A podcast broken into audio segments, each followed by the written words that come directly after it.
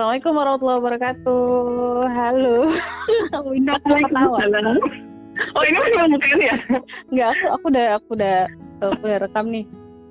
Oke. Ya Win, jadi hari ini ini malam ya. Jam berapa sih ini? Jam 7 malam. Nah, kita mau ngobrol-ngobrol sama Dokter Winda Ayu Purnamasari. Bener gak sih? Dulu. Bener. Bener. ya, gimana kabarnya Dokter Winda? Alhamdulillah baik. Nggak usah pakai gelar gini ya. Ya Itu wes. ya wes ya wes ya Ya, wes. Oke aneh gitu. Oke aneh. Apa sih emang emang kan sesuai profesinya, sesuai kerjaan.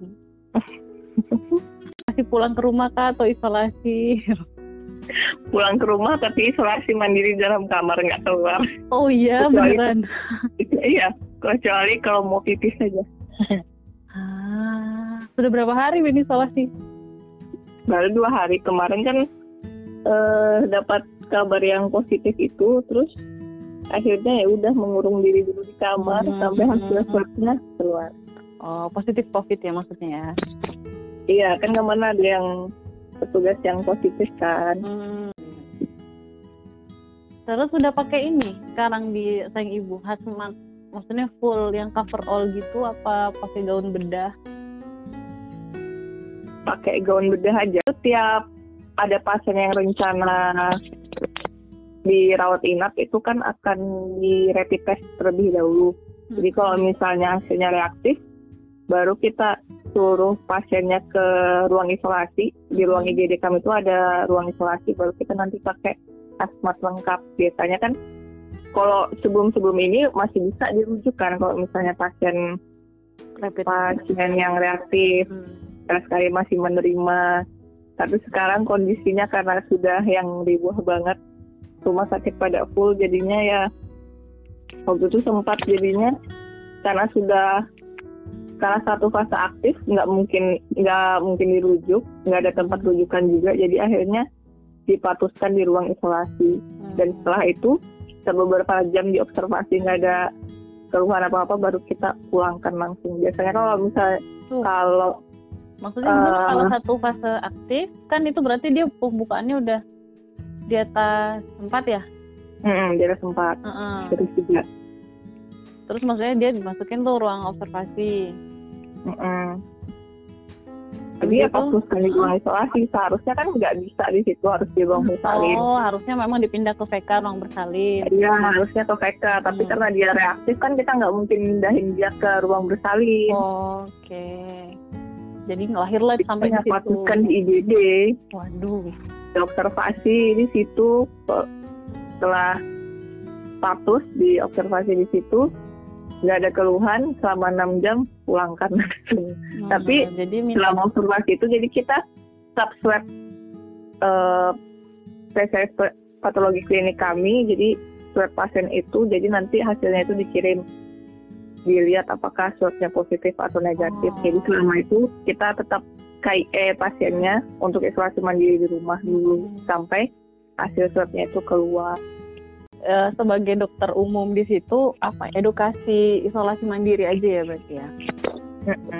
Sama ini lapor ke dinas kah atau gimana Ya, sih kalau tetap lapor ke sistemnya? dinas dulu biasanya kalau misalnya kita langsung menemukan yang reaktif itu kita lapornya ke dinas jadi nanti dinas yang eh, mencarikan rumah sakit rujukan kalau misalnya nggak dapat ya terpaksa ya kita harus rawat sendiri Hmm.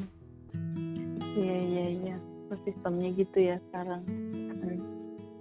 Terus yang biasa Sekarang dengan- bi- biasa di bisa berharap rumah sakit rujukan iya kan sekarang setiap rumah sakit harus bisa men, Ya, menangani merawat. ya karena udah terlalu ya kondisinya banyak kan.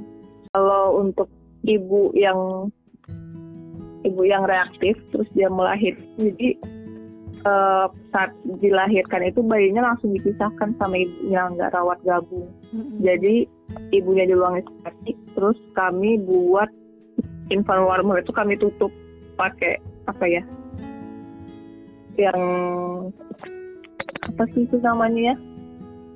Pokoknya kurungan gitulah. Jadinya dia terpisah sama ibunya nggak barengan jadi selama isolasi mandiri itu ibunya nggak boleh nyusuin anaknya dulu Jadi anaknya itu harus minum sufor, Hmm. minum sufor ya sekitar sama sih ukurannya semampunya bayinya itu. Jadi yang jelas intinya kalau pasien yang reaktif, ibu ya dengan yang reaktif itu nggak bisa rawat gabung sama bayinya harus dipisah. Jadinya yang ngurus bayinya harus orang lain, jangan ibunya. Terus eh, kalau di rumah usahakan jangan ada anak kecil. Jadi kemarin itu pasien itu kan ada anaknya tuh yang pertama masih tiga tahun.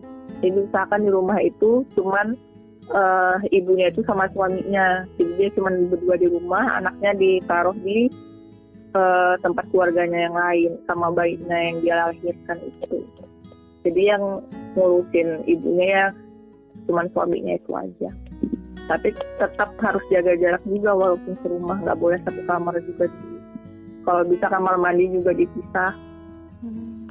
Kalau misalnya, tapi kalau misalnya kamar mandinya cuma satu, diusahakan setelah ibunya itu make harus dibersihkan dulu kamar mandinya, disemprot pakai semacam jenis wipol lah, Hmm. yang paling gampang ditemukan kan. Itu selama berapa hari tuh si ibu sama bayinya harus pisah gitu?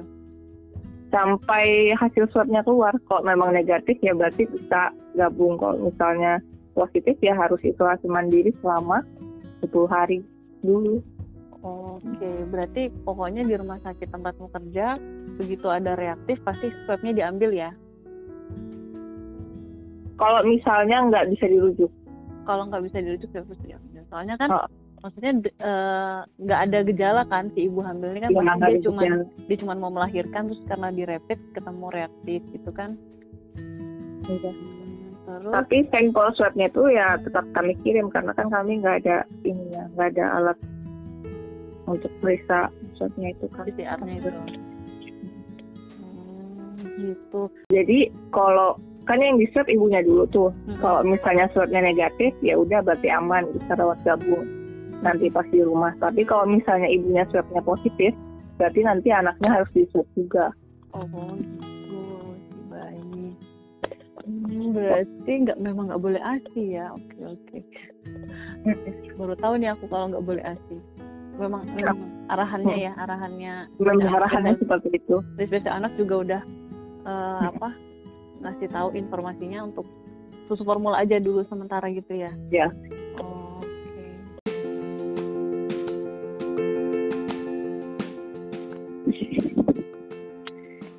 Kesan-kesan lawin apa pun itu buat mau yang melahirkan atau yang datang ke IGD zaman COVID begini harapanmu apa nih kalau ketemu pasien? Kalau eh, untuk ibu-ibu hamil tetap jaga jarak, tetap pakai masker. Kalau misalnya nggak perlu, ya kalau bisa di rumah aja lah, nggak usah ke mana-mana. Cukup keluar rumah kalau misalnya mau kontrol kehamilan saja, jadi tidak banyak terpapar.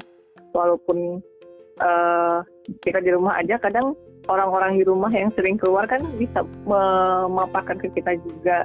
Jadi ya tetap jaga jarak juga, jaga kebersihan.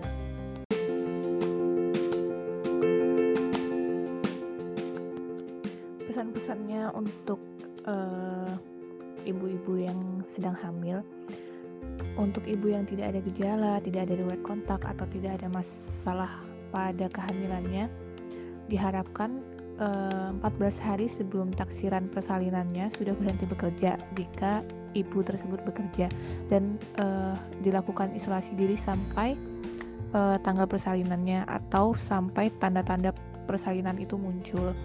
Kemudian untuk yang zona merah dianjurkan untuk ya setidaknya eh, Hamin 7 sudah melakukan screening COVID seperti rapid test tapi ya kalau bisa PCR kalau misalnya ada dananya tapi kalau misalnya tidak ada ya diharapkan sudah ada hasil rapid testnya lah begitu semoga ibu-ibu hamil yang di luar sana selalu sehat dan terhindar dari COVID-19. Terima kasih. Oke lah kalau begitu Winda kita selesaikan ya perbincangan hari ini. Semoga bermanfaat. Iya. Kok kayaknya enggak ya. bermanfaat aku dapat ilmu loh hari ini ya wes kapan-kapan kita ngobrol lagi ya Win ya Oke. pokoknya kalau kalau punya cerita telepon aja aku oke Oke, siap. Oke, assalamualaikum Salam. bye bye Bye.